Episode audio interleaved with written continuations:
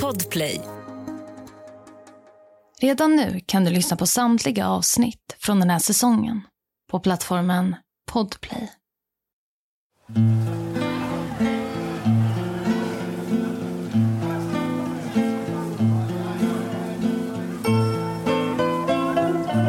Kvällen den 8 januari 1997 inkommer ett samtal till polisen i italienska regionen Lombardiet. Den anonyme uppringaren kräver ett möte med polisen men säger inte mycket mer. Citat. Jag tänker säga bara ett namn. Gucci. Sen lägger uppringaren på. Två år tidigare, mars 1995, har Maurizio Gucci mördats av en okänd skytt i Milano. Vem var det som ringde? Kanske hade personen information som kunde leda polisen till den som utfört mordet.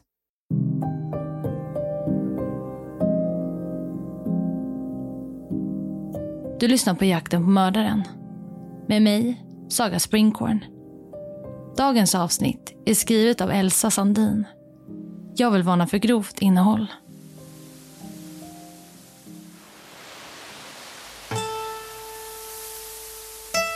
Det är år 1948 i Florens. Det är den 26 september. En mild och molnig höstdag.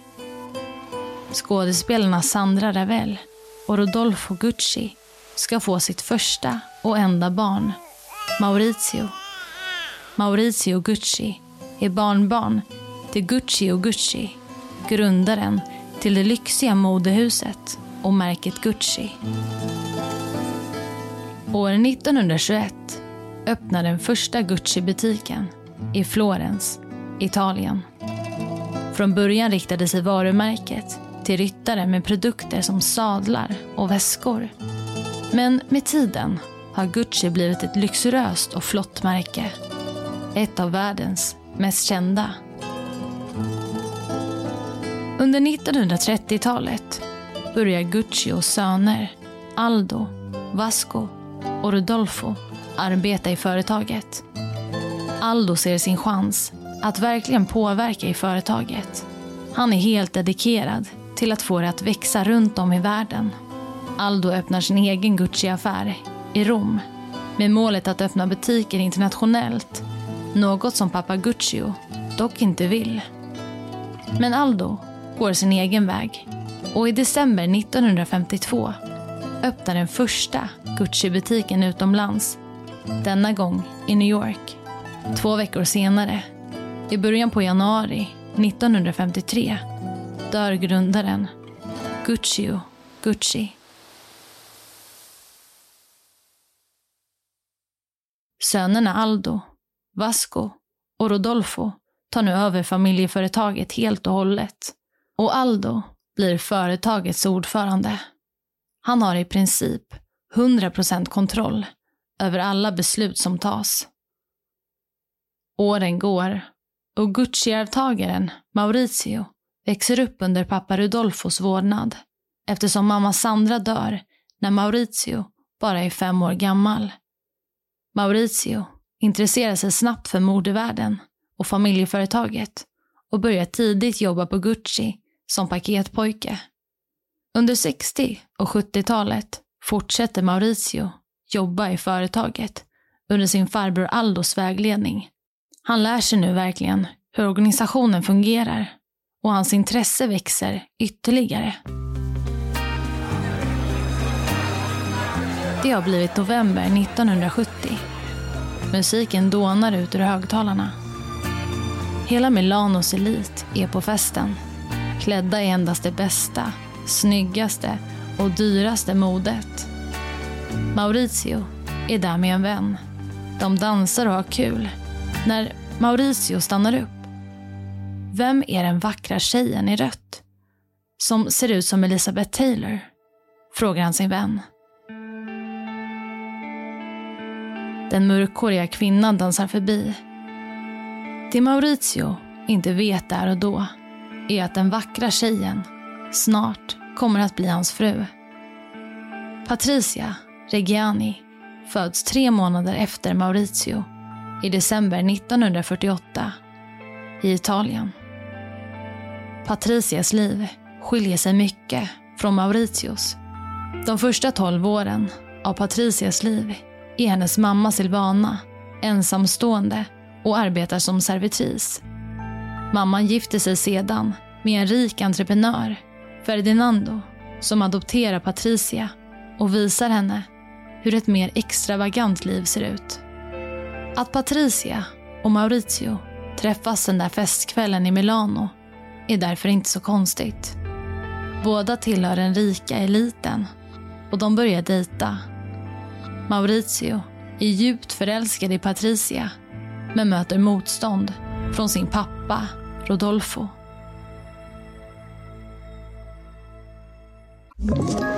Ett poddtips från Podplay. I fallen jag aldrig glömmer djupdyker Hasse Aro i arbetet bakom några av Sveriges mest uppseendeväckande brottsutredningar går vi in med hemlig telefonavlyssning och, och då upplever vi att vi får en total förändring av hans beteende. Vad är det som händer nu? Vem är det som läcker? Och så säger han att jag är kriminell, jag har varit kriminell i hela mitt liv men att mörda ett barn, där går min gräns. Nya säsongen av Fallen jag aldrig glömmer på Podplay. Rodolfo är orolig. Ryktena går om att Patricia är en festtjej som skulle göra vad som helst för att klättra upp i den riktiga överklassen som familjen Gucci tillhör. Rodolfo varnar Maurizio för att Patricia bara är ute efter hans pengar. Men Maurizio är blind av kärlek. Han förstår inte alls sin pappas oro. År 1972 friar Maurizio till Patricia och kort därefter gifter de sig. Båda är 24 år gamla. Ingen från Gucci-familjen är med på bröllopet. Rodolfo ger nu Maurizio ett ultimatum. Han vägrar acceptera parets giftermål. Maurizio får välja Gucci eller Patricia. Och Maurizio väljer Patricia, vilket gör att han utesluts från familjeföretaget. Han pratar inte med sin pappa på flera år. Under den här tiden dör Vasco, Mauritios farbror, som då var en av tre ägare till Gucci och son till Guccio. Det innebär att Rodolfo och Aldo fick 50 procent var av företaget. Rodolfo behåller sina 50 procent medan Aldo ger 10 procent till sina söner att dela på. Rodolfo äger nu alltså majoriteten av Gucci. Aldo hjälper Rodolfo och Maurizio att begrava stridsyxan det har gått två år sedan Patricia och Maurizio gifte sig. Och Aldo vill att de flyttar till New York, från Italien, för att jobba med honom där. Rodolfo tycker att det låter som en bra idé och ger dem en lägenhet i New York som plåster på såren. 1977 föds också Mauritius och Patricias första dotter, Alessandra.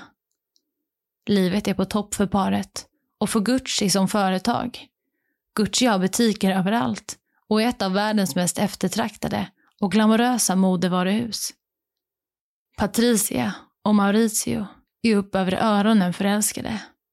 De reser runt i världen, har flera hus, bland annat en stor villa i Mexiko och en stor båt. Men allt ska komma att vändas upp och ner när Rodolfo dör år 1983 Sonen Maurizio blir nu majoritetsägare i företaget. Lyckan blir dock inte långvarig när Maurizio inser att Gucci inte längre är lika prestigefyllt i modebranschen. Bara de senaste åren har företaget börjat massproducera varor som tidigare varit exklusiva. Alla varuhus som kunde sälja Gucci fick göra det. Gucci fanns överallt och vem som helst kunde köpa produkterna. Inte bara samhällets elit. Maurizio ansåg att hans farfars vision hade gått förlorad. Allt på grund av farbror Aldo.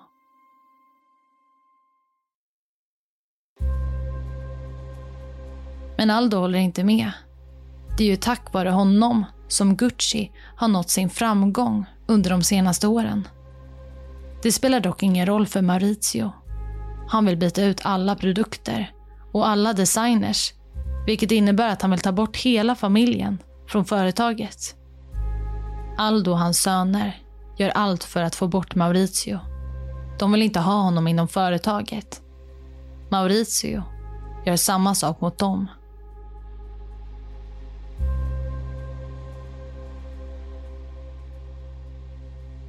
Och där stannar vi upp. Ja, familjefejden är nu ett faktum. Aldo och hans söner är säkra på att Maurizio har fejkat en signatur, pappa Rodolfos signatur. Den här signaturen ska då ha gjort att Maurizio skulle slippa betala flera miljoner dollar i arvsskatt. Maurizio nekar givetvis, men sen vittnar medarbetare på Gucci om att signaturen visst är fejk. En utredning startar. Det här är enorma anklagelser mot Maurizio som är majoritetsägare i företaget. Polisen kommer fram till att det finns många bevis för att anklagelserna faktiskt stämmer. De åker därför till Maurizio och Patricias bostad för att arrestera Maurizio. Men Maurizio har då fått ett tips från sin chaufför att polisen är på väg och hinner därför fly undan. Hans tillgångar blir frysta innan han till slut blir fridad från anklagelserna år 1987. Maurizio är nu rasande. Hans 50% i företaget är tillbaka, men han vill hämnas på Aldo. Han vill ha bort Aldo och hans söner från företaget helt. Med hjälp av ett företag som heter Investcorp lyckas Mauricio göra en komplott och köper ut Aldo och hans söner. Den här processen tar lång tid och är komplicerad, men till slut är det Mauricio som vinner i domstolen. Under den här tiden har också Mauricio och Patricias giftermål börjat eh, implodera. Patricia är ett kontrollfreak, manipulerande och svartsjuk enligt Maurizio. Maurizio är maktgalen och pengahungrig. En majdag 1985 packar Maurizio sin väska och åker till Florens utan att säga ett ord till Patricia. Paret skiljs åt. Men skilsmässan ska inte bli officiell förrän tio år senare. Vi går vidare. Patricia blir galen. Maurizio har lämnat henne. Och dessutom låter han familjeföretaget gå i spillror. När Maurizio lämnar Patricia förlorar hon allt. Pengar, status och sin stora kärlek. Och det går faktiskt inte särskilt bra för Gucci nu. Trots att Maurizio köpt ut resten av familjen och trots att han gör om hela företaget.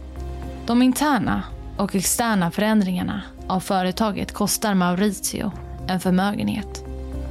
Han är dessutom på väg att gå i personlig konkurs. Han har skulder på 40 miljoner dollar på grund av sitt dyra levnadssätt med resor, fastigheter, fester, lyxbåtar och kläder. År 1993 säljer Maurizio sina andelar i Gucci till Investcorp. Samma företag som han tidigare fått hjälp med att köpa ut sin farbror och sina kusiner med. Under flera år har han försökt få tillbaka Gucci på toppen genom att dra tillbaka billigare produkter från hyllorna och ersätta med dyra. Problemet är bara att många av de billigare produkterna är de som drar intäkter till företaget. Vilket betyder att företaget nu förlorar en stor mängd pengar. För att inte behöva gå i konkurs, varken i företaget eller personlig, så måste Mauricio sälja.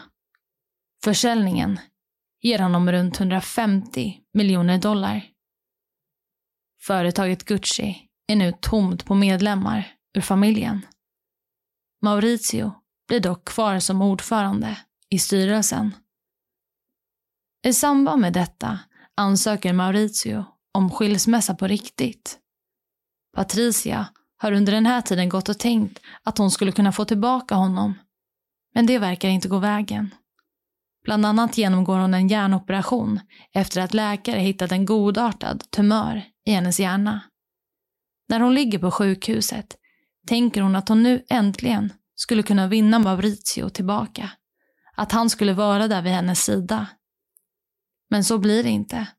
Istället får hon skriva på skilsmässopapper. Maurizio har dessutom hittat en ny, yngre partner som Patricia hatar. Paula heter hon. Patricia tänker att Paula bara är med Maurizio på grund av hans pengar. Det är den 27 mars 1995. Dörrmannen Giuseppe sopar löv utanför den bågformade entrédörren på Via Palestro 20. Den eleganta byggnaden där Maurizio Gucci har sitt kontor. Ett poddtips från Podplay. I podden Något Kaiko garanterar östgötarna Brutti och jag, Davva, dig en stor dos skratt. Där följer jag pladask för köttätandet igen. Man är lite som en jävla vampyr. Man har fått lite blodsmak och då måste man ha mer. Udda spaningar, fängslande anekdoter och en och annan arg rant. Jag måste ha mitt kaffe på morgonen för annars är jag ingen trevlig människa. Då är du ingen trevlig människa, punkt. Något Kaiko, hör du på Podplay. Därför är gardinerna. Klockan är halv nio på morgonen och Maurizio bär på några tidningar. Han hälsar god morgon till Giuseppe. Maurizio hinner knappt reagera på ljuden innan han faller till marken. Maurizio Gucci hade blivit skjuten med tre skott. Ett skott i axeln, ett i ryggen och ett i huvudet. Dörrmannen Giuseppe springer fram till Maurizio trots att han själv blivit träffad med två skott i armen. Han håller upp Maurizios huvud och hör sirenerna i bakgrunden. Maurizio dör på plats, 46 år gammal. Polisen påbörjar snabbt en utredning. Giuseppe kan beskriva gärningsmannen som välbyggd med mörkt hår och runt ansikte. Portvakten hade också sett mördaren när mördaren klev in i en grön bil med en annan man vid ratten. Inledningsvis hittar polisen inget motiv för dådet. Maurizio hade inga kända fiender, även om han visserligen hade en del pengaproblem. Kan det ha varit en affär som gått fel? Var han skyldig fel personer pengar? 18 månader går och utredarna kommer inte framåt. De bestämmer sig nu för att titta närmre på exfrun Patricia som varit så bitter över skilsmässan och exmakens nya relation. Patricia har dock ett stensäkert alibi och polisens arbete står återigen still. Sen kommer telefonsamtalet. En anonym inringare säger sig veta vem som mördat Gucci. Inringaren ber polisen att möta honom och äntligen kommer sanningen fram. Inringaren hävdar att han har överhört ett samtal från en man som berättat att han har varit en del av gänget som mördat Maurizio Gucci. Mannen heter Ivano. Polisen går nu undercover för att spana på Ivano. Ivano letar efter en hitman. Någon som kan utföra ett mord. Och en polisman som har gått undercover låtsas vara intresserad av jobbet. I samband med detta får polisen också reda på ett flertal namn på personer som verkar vara inblandade i mordet på Maurizio. Tidig morgon den 31 januari 1997 Campina, Ivano, Orazio, Benedetto gripas. Men det ska gripas ytterligare en person. Personen med starkt alibi för morgonen då Maurizio mördades. Exfrun Patricia. Alla personer häktas misstänkta för mordet på Maurizio Gucci. De hade samarbetat. Enligt åklagaren ska det hela ha gått till som följande. Patricia ska ha berättat för sin väninna, Pina, att hon ville ha Mauricio mördad. Patricia och vännen ska därefter ha anställt en pizzeriägare och en mekaniker i närheten som torped respektive flyktförare. Enligt åklagaren ska motivet till att Patricia ville ha sin exman mördad bara att hon hatade honom. Hon ville ha hans pengar och hon var svartsjuk på nya flickvännen Paula. Patricia ska ha betalat drygt 200 000 dollar för mordet, vilket motsvarar nästan 2 miljoner kronor. Men nu, när hon står anklagad för mordet, hävdar Patricia att hon inte känner Pina, eller någon av de andra i gruppen. Hon menar istället att gruppen ska ha utnyttjat och hotat henne. De ska ha sagt till henne att hennes döttrar ska komma till skada om hon inte betalar gruppen för att mörda hennes exman. Det visar sig snart vara en lögn. Pina och Patricia har varit vänner länge och Pina har varit med Patricias familj på resor. Hon har inte blivit utnyttjad eller hotad av Pina. Bevisen mot Patricia är starka. Både väninnan Pina och flyktföraren Horacio erkänner brotten och vittnar mot Patricia. Åklagarsidan presenterar också flera timmar av inspelade konversationer mellan gruppen och utdrag ur Patricias dagbok. För det är nämligen så att tio dagar innan Maurizio skjuts ihjäl har Patricia skrivit i sin dagbok citat. Det finns inget brott som inte kan köpas. Och samma dag som Mauricio mördas öppnar hon en ny sida i dagboken och skriver ordet paradis på grekiska. Hon ska i efterhand försvara sig med att inlägget i dagboken inte varit någon form av firande av hennes exmans död. Hon hade bara skrivit ner ordet för att hon tyckte om det och hon ville använda det som namn på hennes nästa villa. Under rättsprocessen kommer det fram mycket information som sätter Patricia i ett inte så charmigt sken. Hon ska ha satt mycket press på gruppen att genomföra mordet snabbt innan Maurizio och Paula skulle hinna gifta sig. Hon är inte bara svartsjuk på Paula. Hon vill inte bara förhindra att Paula ska ta över titeln som fru Gucci och få alla pengar och status. Hon är också rädd att hennes döttrar ska förlora arvet från sin pappa. Flera personer vittnar om hur Patricia under flera år har pratat om hur hon vill se Maurizio död. Hon hade frågat efter folk som kunde genomföra ett mord. Hon hade flera gånger hotat Maurizio till livet.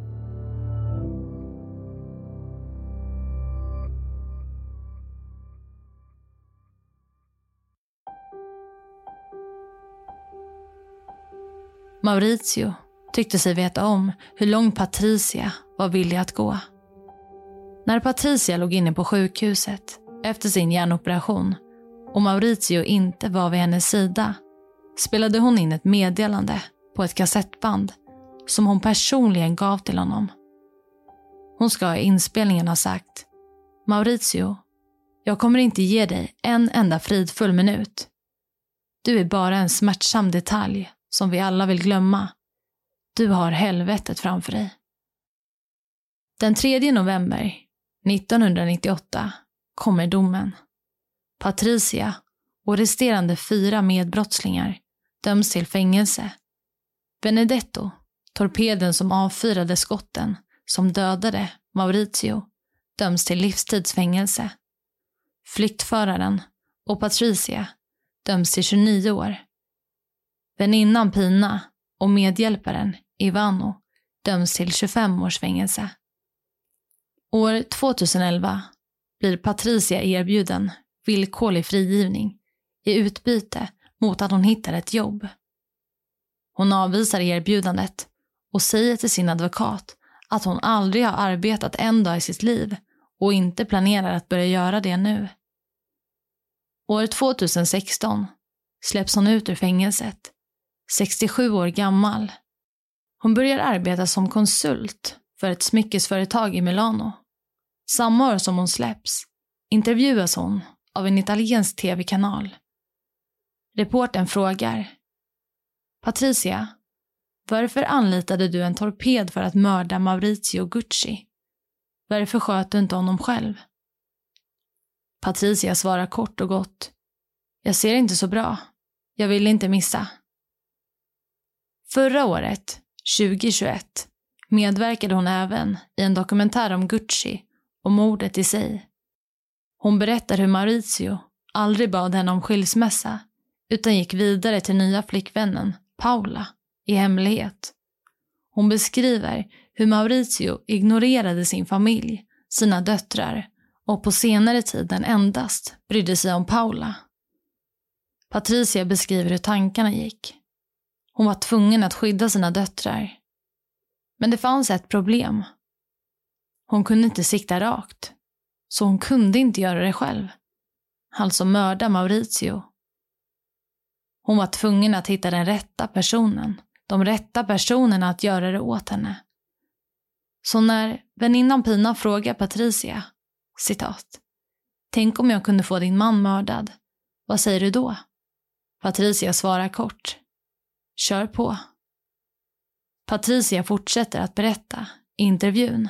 Hon hade inte kunnat tro att Pina skulle lyckas få ihop en grupp att mörda Maurizio. Hon hade heller inte kunnat tro att hon en dag skulle bli gripen. Hon avslutar intervjun med att säga citat. Fängelset förändrade inte mig överhuvudtaget. Jag kom ut precis likadan som jag kom in. Jag är Patricia Reggiano Gucci. Och det var allt för dagens avsnitt. Vill du komma i kontakt med mig så kan du skriva till mig på Instagram där jag heter Saga Springkorn. Eller mejla till jaktenpamordaren springkorn.se. Tack för att du har lyssnat.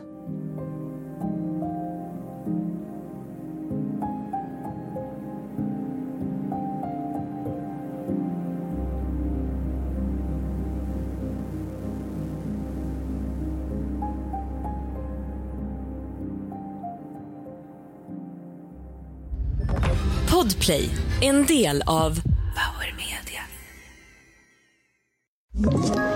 Ett poddtips från Podplay.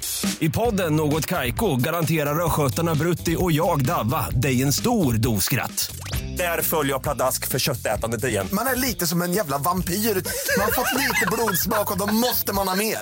Udda spaningar, fängslande anekdoter och en och annan arg rant. Jag måste ha mitt kaffe på morgonen för annars är jag ingen trevlig människa. Då är du ingen trevlig människa, punkt. Något Kaiko, hör du på Podplay. Därför är gardinerna.